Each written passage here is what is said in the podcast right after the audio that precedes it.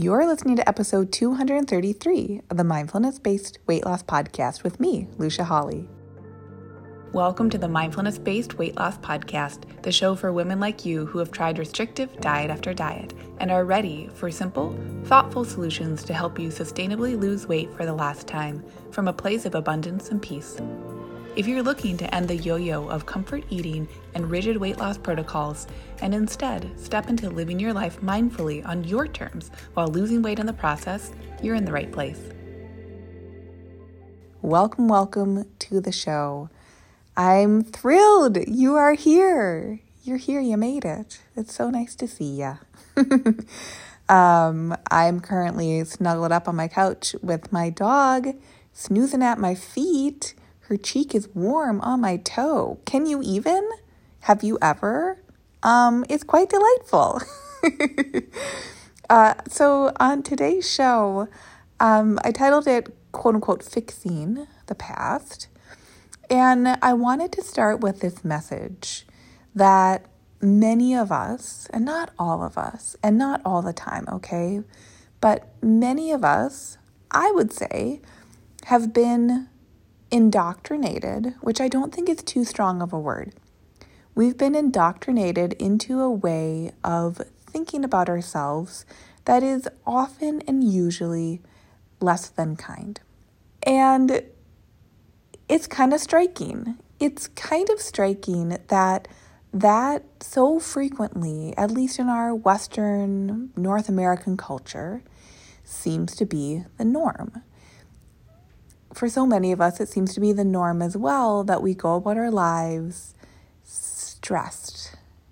We go through our mornings stressed, our afternoons stressed, our evenings stressed. It's culturally reinforced that what is it to be an adult? To be an adult is to be stressed out stressed about finances, stressed about relationships, stressed about career, stressed about food, stressed about our bodies, stressed about so many different things. What are we stressed about in this season? Stressed about maybe family get togethers, lack thereof, stressed about um, purchasing gifts for others, stressed about 2023, stressed about what 2022 was like, you know, stressed in reflection and stressed looking forward into the future. There is, seems to be a pattern that I think many of us take for granted, and that is defaulting to stress. And of course, within this, there's a lot within our Western North American culture that is not so supportive from a community standpoint or is entirely lacking in resources where you are living a life that is stressful, okay? So we're not pretending that there aren't things that really do need to change and that I sure hope do change. While we are navigating on whatever level, to whatever capacity, whether you have a lot of privileges or you don't have many privileges, wherever this hits and lands, I hope you take this message for how it can be supportive for you. This message is relay, relaying the idea that we live in a culture where I think we're really pushed to do a lot, to have the things, to want more things I try to create more perfection out of life. If all relationships aren't perfect, we're failing at that. If our body isn't perfect, we're failing at that. If our childhood wasn't perfect, we failed at that. If we don't perfectly fix what's going on right now, then our future won't be perfect. We're going to fail at that. There's a lot of this black and white, all or nothing, this or that, either or thinking that becomes, I really do think this like cultural rhetoric and backbone. And then what do we have? We have social media, which can often be a highlights reel for the negative and for the positive. I do, well, a highlights reel and a low light reel, if you will. And I think that also reinforces that all or nothing dichotomy. Things are either going great or they're really not going well.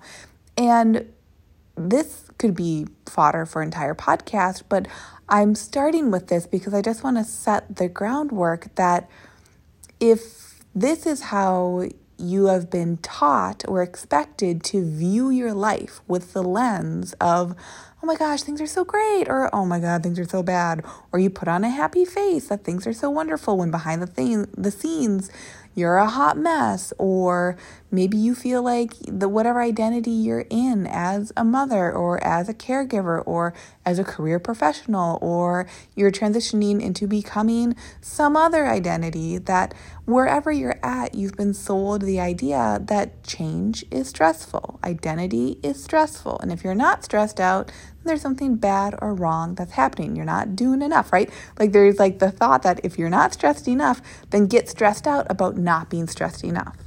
I think a lot of people live that. You go on vacation. What? You get stressed out about the vacation, about going on it, about getting there, and then you're there, and then are you doing enough? Are you taking the right photos? Are you documenting it? Are you enjoying it enough? Do you do you kind of see the, the picture I'm trying to paint here? It's not that we're all neurotic AF. I really think it's just a lot of us have been created into a culture where that, for whatever reason, is a priority.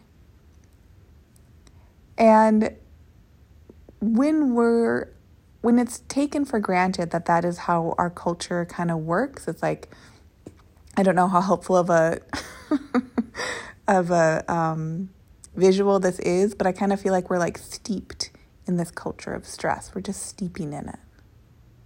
So while we're steeping in this culture of stress, in our current moment, we're not really experiencing it because it's feeling stressful. So we're thinking about the future, we're thinking about the past. Okay? And so, on today's episode, I think part of this stress response that we have to the present moment, but not the actual present moment, just our expectations of the present moment or the, our expectations of the future, what what I see a lot of us doing is that we then almost hyperfixate on and hyperfocus on the past. Why? Because we're also getting messages. I really see this a lot these days, especially in self development and wellness culture at large. A lot of us are getting and repeating the message that if you just clean up your relationship to the past, if you just investigate your childhood, if you just get so trauma informed for yourself, trauma with a big T, trauma with a little t, whatever shape or form that took. If you just focus on that enough, then that will help your present moment. And while I do believe that there is, of course, space to process and to really look at with love and care your past and with tenderness, to be in relation to it, I simply want to offer in today's episode that that doesn't have to be something to check off the list or another to do to do perfectly in order to set up your experience of the present moment. You don't have to go to your past to be here now. In exactly the same way that you don't have to go to your future to be here now. The present moment is independent of the past and the future. A lot of us try to fix the past by rehashing it over and over and over in order to look for a new or different feeling to it. And I just think I think that can be helpful if someone really has maybe pushed an experience down and part of the tender process for them is to bring light to something that occurred.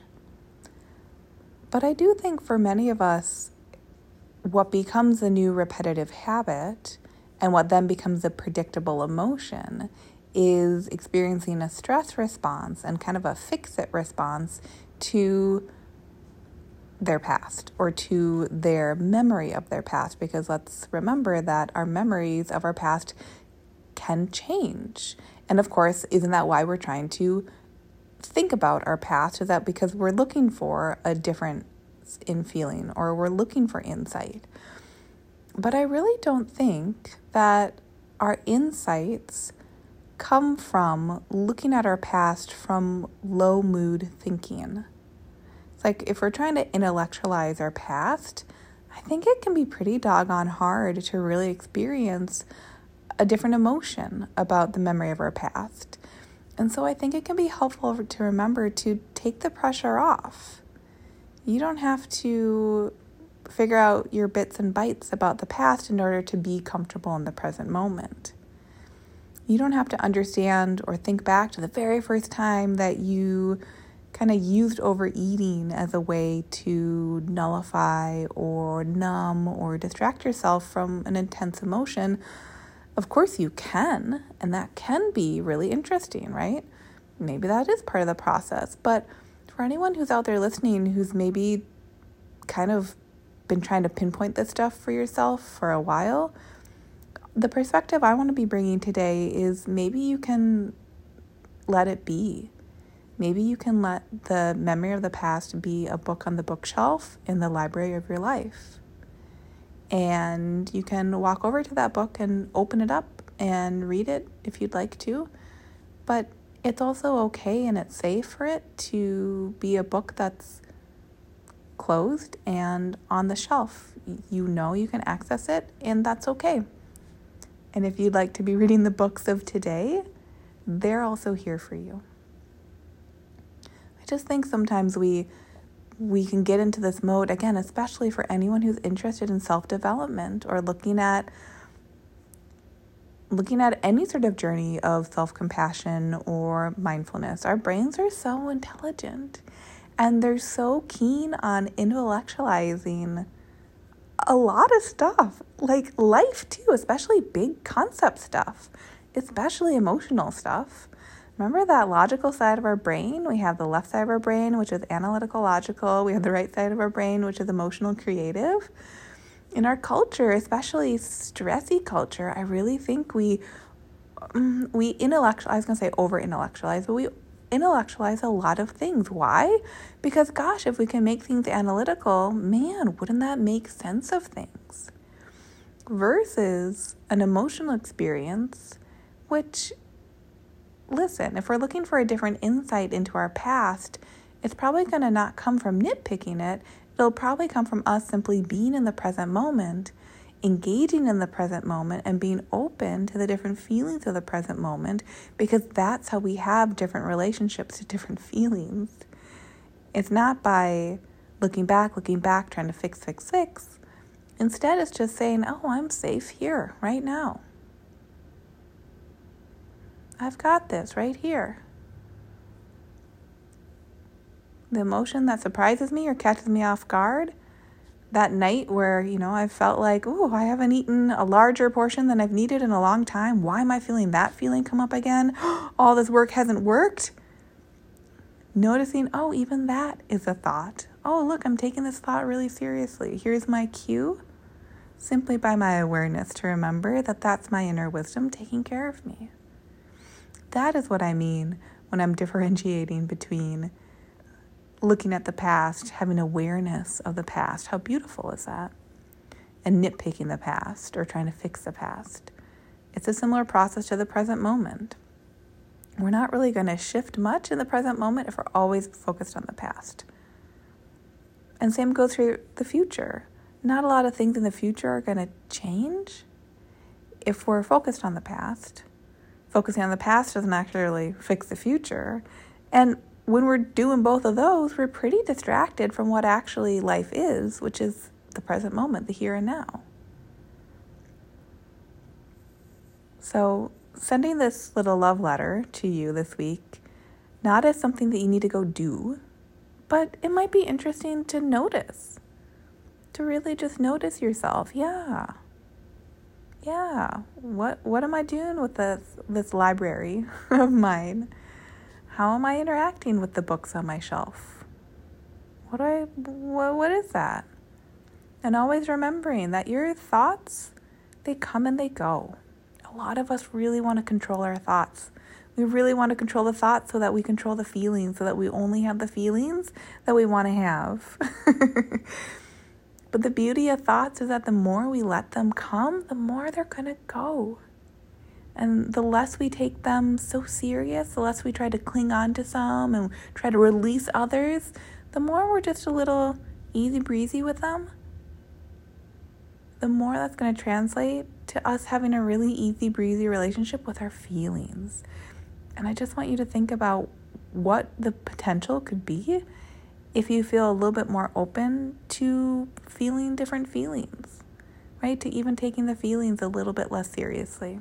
So that's what I have for you this week. I hope this is finding you so well.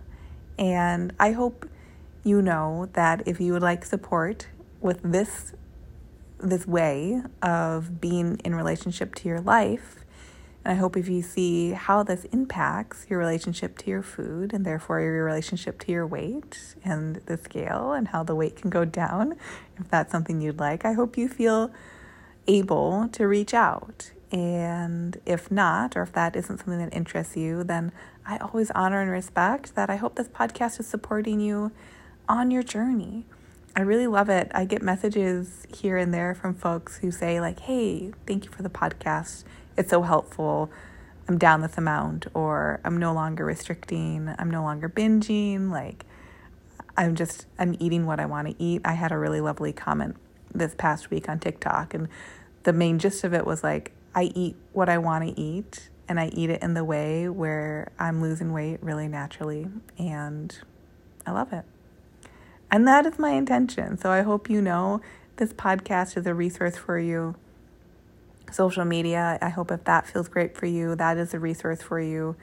And I hope you know if you want to take it to have more as well, whether that's self paced, there is a course for you that I have. and if you're looking for more live one on one time, I hope you know that there's private coaching that is available to you. And I hope if you don't need any of that and this is all you need, I hope you feel so great about that because there's no secrets around here. Like, this is the process. And just thank you for taking some time out of your day to be in that curiosity and to be in that experience for yourself of your own process because you are the person who is most wise about yourself. And I hope you feel that. Um, I think if there's one thread from the very first nutrition client I ever had back in 2014 to the clients I have the privilege with, and you, the community, I have the privilege of talking with every week, is that I hope you see and feel in whatever capacity makes sense for you that you are that. You are the most wise person, the wisest person about yourself you have that inner wisdom. It never left you, it's always right there for you. I so see that every day, and I, I know that that is always available to you because I see it every day. And I think that is such a gift of the human experience. So, thank you for being here, and I will see you on next week's episode. Bye. Hey, if you love today's show, I'd love for you to take a minute and give a rating with a review. If you too are ready for more women to make life choices from loving mindfulness, that means we need more women listening to this message so they know it's available to them and they can do it too. And if you're ready yourself, come join Lean and Liberated, where we'll work together and you'll learn how to take this process to the next level in your weight loss goals, life desires, and beyond go to luciahawley.com. That's L U C I A H A W L E Y.com to connect.